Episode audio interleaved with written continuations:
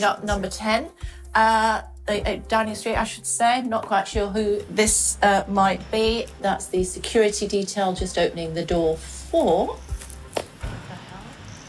David, David Cameron. Cameron. I was not expecting that. Okay. David Cameron, den tidligere premierminister, er tilbage på toppen af britisk politik, og der er der også blevet rykket godt og grundigt rundt i den britiske regering. På en og samme dag blev indrigsminister Suella Braverman fjernet fra sin post, David Cameron blev indsat som udenrigsminister, og endnu flere ministre er ude af regeringen. Vi gør status på en britisk regering, og ikke mindst et konservativt parti, som ser ud til at være dybt splittet. Du lytter til Konfliktzonen. Mit navn er Oliver Bernsen.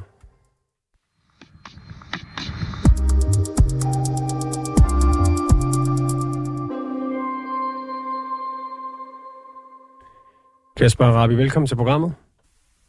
Jamen tak for det. Du er phd studerende i international politisk økonomi ved University of Warwick, og så har du et indgående kendskab til Storbritannien. Øh, Rishi Sunak har fyret indrigsminister Suella Braverman for derefter at indsætte den tidligere premierminister David Cameron som udenrigsminister, og samme dag trækker en række ministre sig fra hans regering, ligesom flere bliver fyret. Øh, hvordan vil du overordnet beskrive den situation, som den britiske regering står i?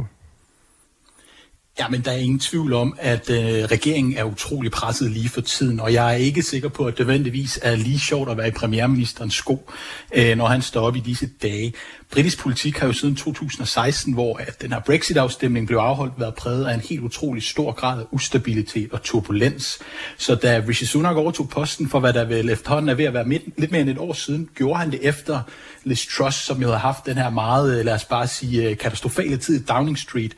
Så han skulle jo øh, Øh, repræsentere stabilitet, han skulle repræsentere forandring og vise, at det konservative parti var klar til næste valg, der jo skal afholdes senest i januar 2025. Må ikke det kommer næste år.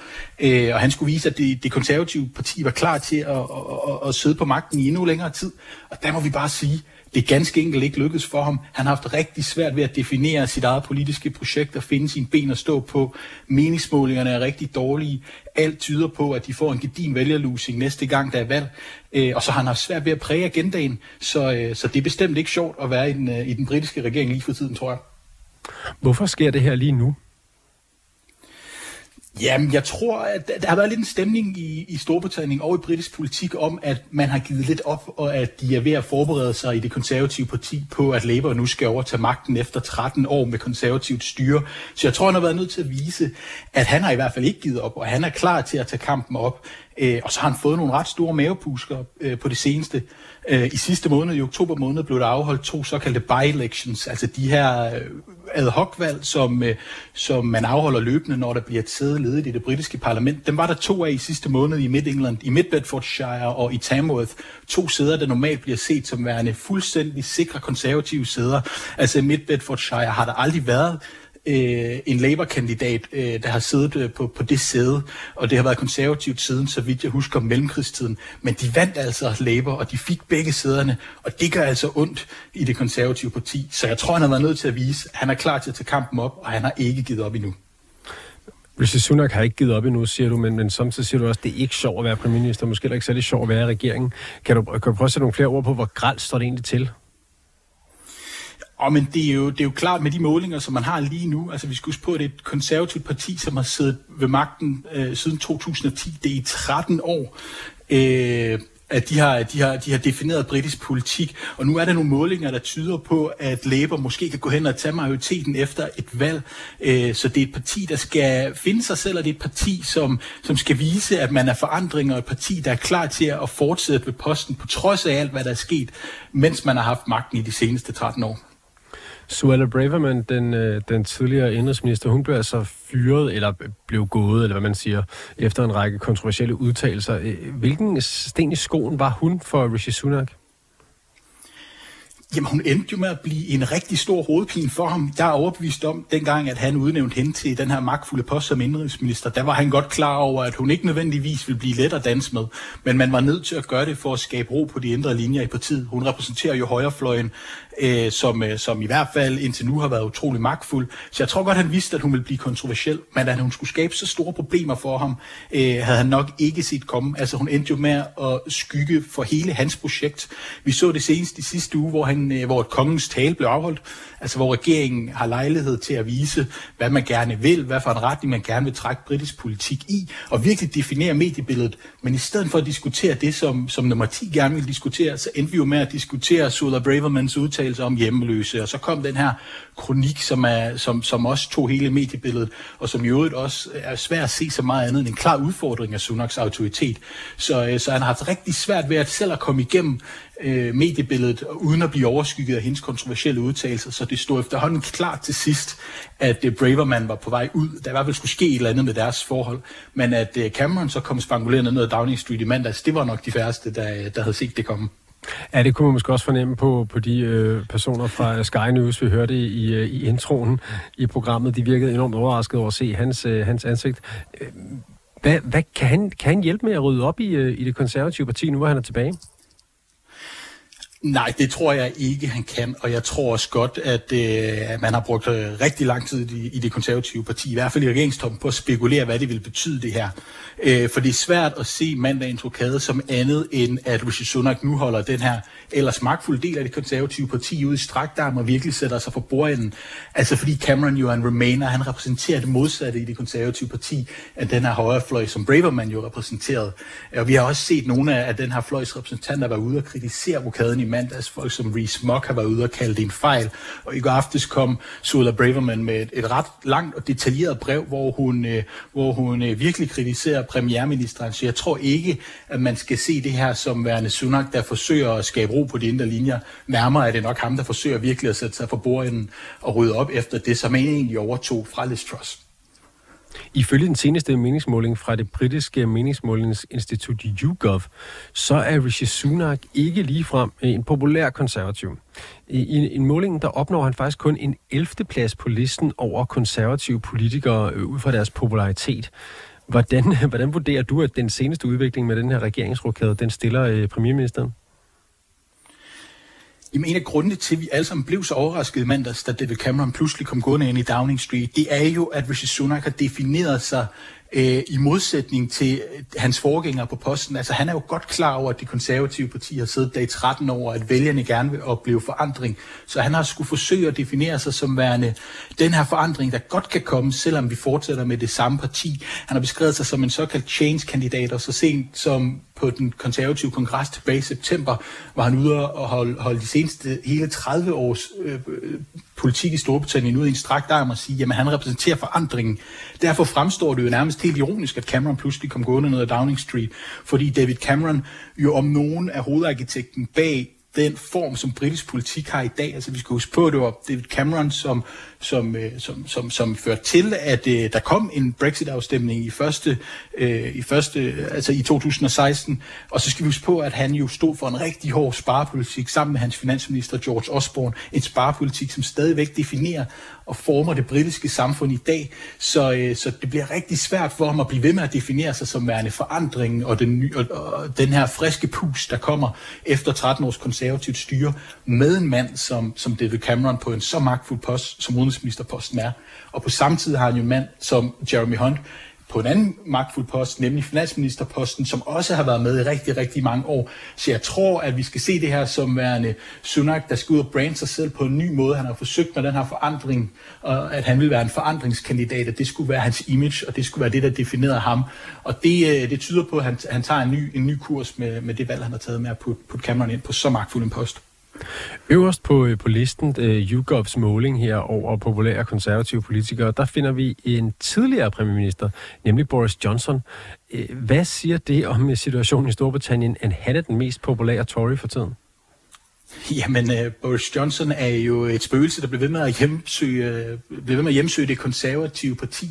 Jeg synes egentlig, det, som er rigtig interessant ved det, som der skete i mandags, det er, at man nu har valgt at sætte en remainer, som, altså en, som, som, som støttede, at Storbritannien skulle blive i EU, som David Cameron jo gjorde, selvom man udskrev Brexit-afstemningen, at man sætter ham ind på en så magtfuld post som udenrigsministerposten, fordi der har været en tendens til siden afstemningen, at de magtfulde poster skulle tilhøre folk, som stod for at Storbritannien skulle ud af EU.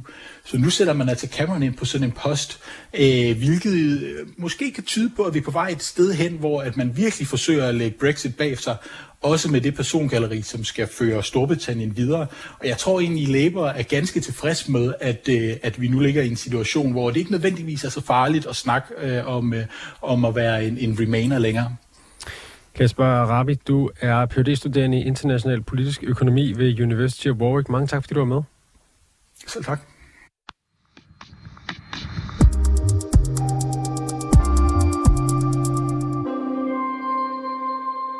En ting er, hvordan vi her fra Danmark vurderer situationen i det konservative parti. Noget andet er jo, hvad de konservative vælgere i Storbritannien selv siger. Og derfor så har jeg talt med den konservative vælger Risu Chowdhury, der bor i Kent, sydøst for London. I think as a temporary measure, it, it's a very good move.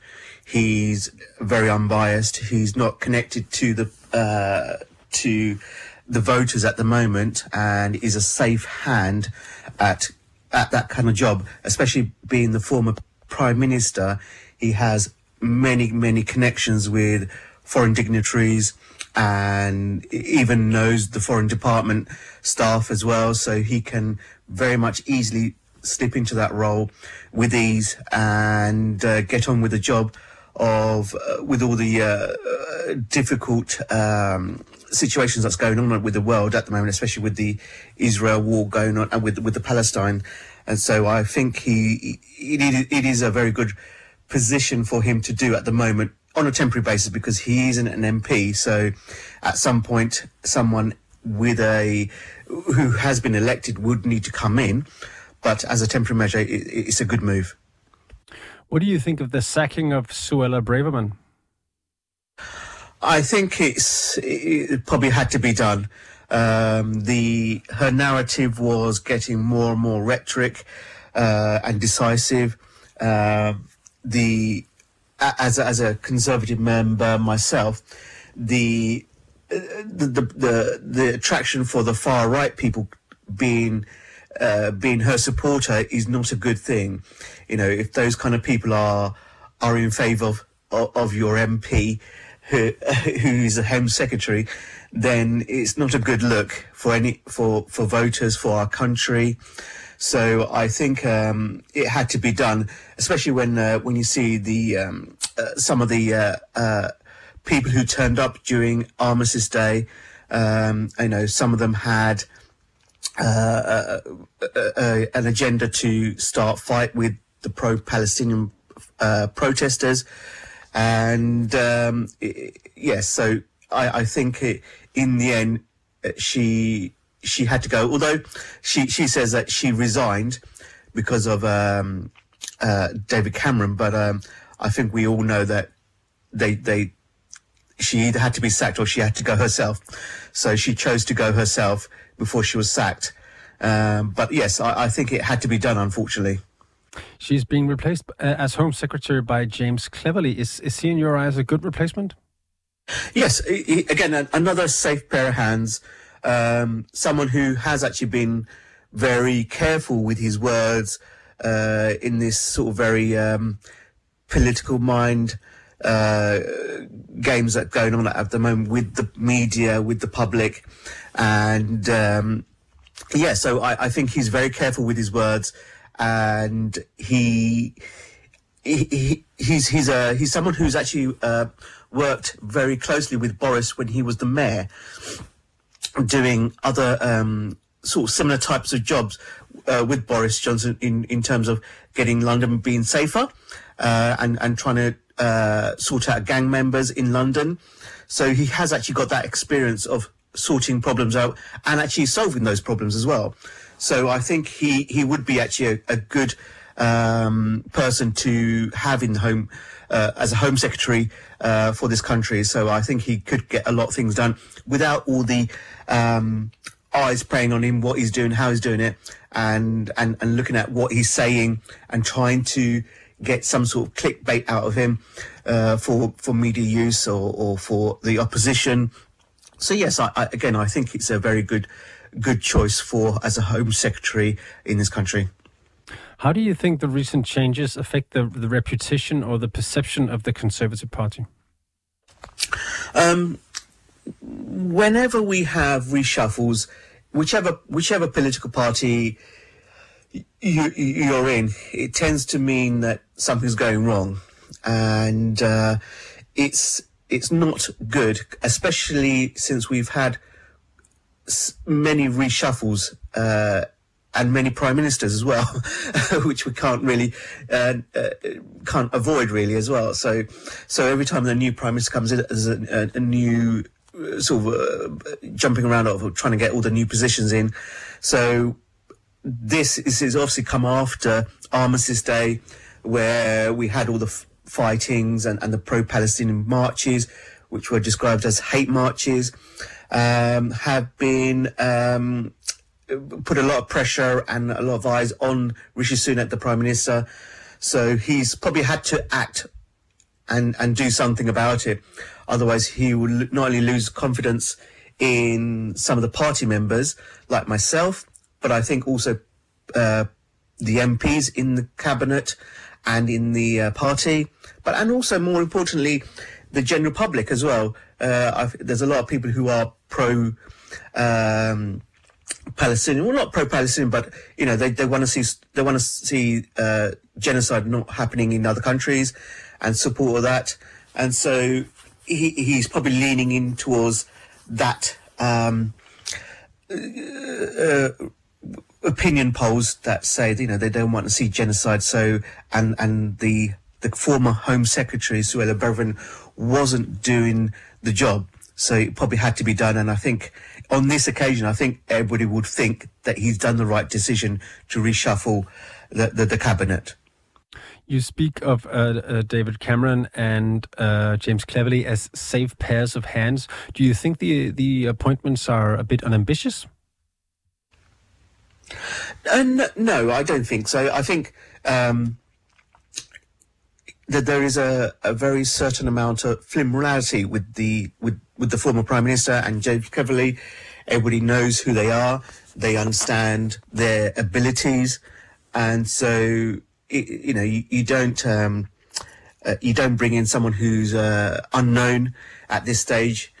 It's, you certainly need some big hitters so David Cameron, who, uh, in the eyes of a lot of uh, Brexiteers as well, are are quite uh, uh familiar with David Cameron and um, and James Cleverly. He has been doing a lot of interviews as the Foreign Secretary um, due to the uh, uh, ongoing wars elsewhere in the world. So he has. So I think it's, it's probably a, a good thing to have someone who they are well known within the Tory parties and within the public as well. There's a general election coming up in January uh, 2025.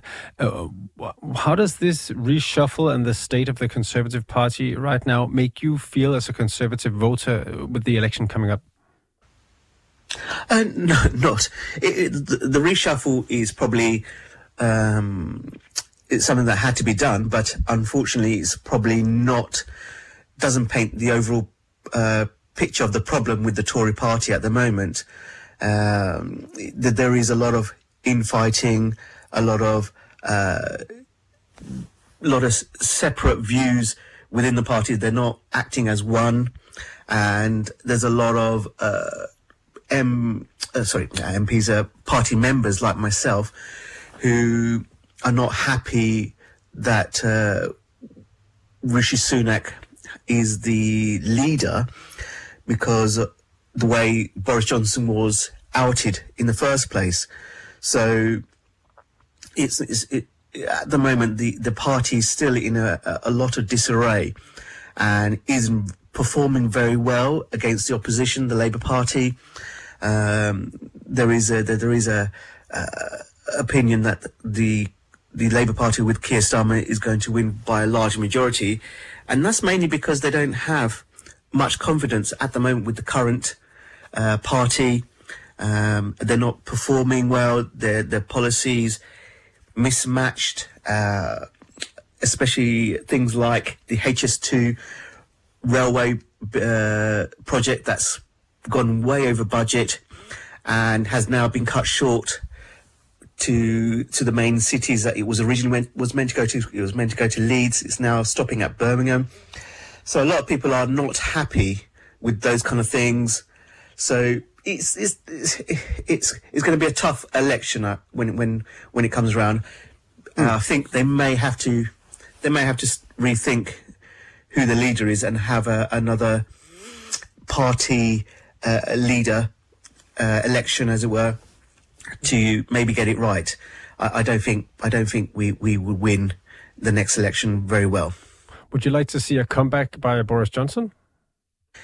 I, I think I'm not the only one who who would who would say that. Yes, uh, I think there's a lot of uh, conservative members and public who are not associated with the Conservative P- Party would like to see Boris back.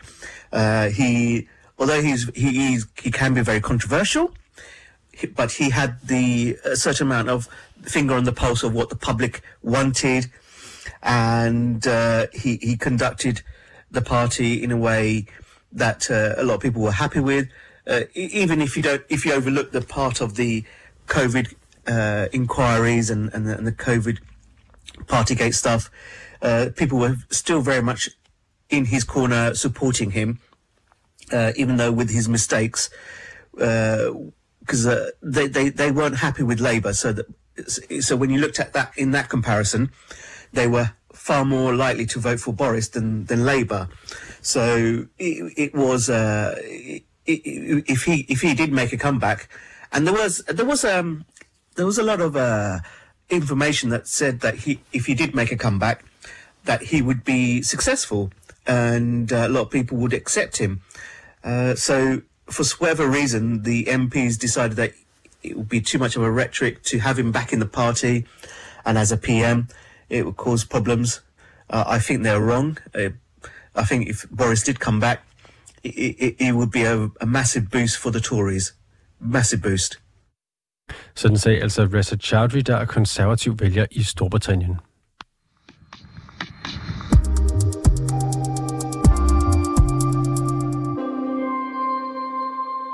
Du har lyttet til dagens afsnit af Konfliktzonen 24-7's udenrigsmagasin. Mit navn er Oliver Bærensen. Producer var Samuel Krog Larsen, og Sofie Ørts er redaktør. Du kan lytte til programmet direkte mandag til torsdag fra 8 til 8.30, men du kan selvfølgelig også finde det som podcast.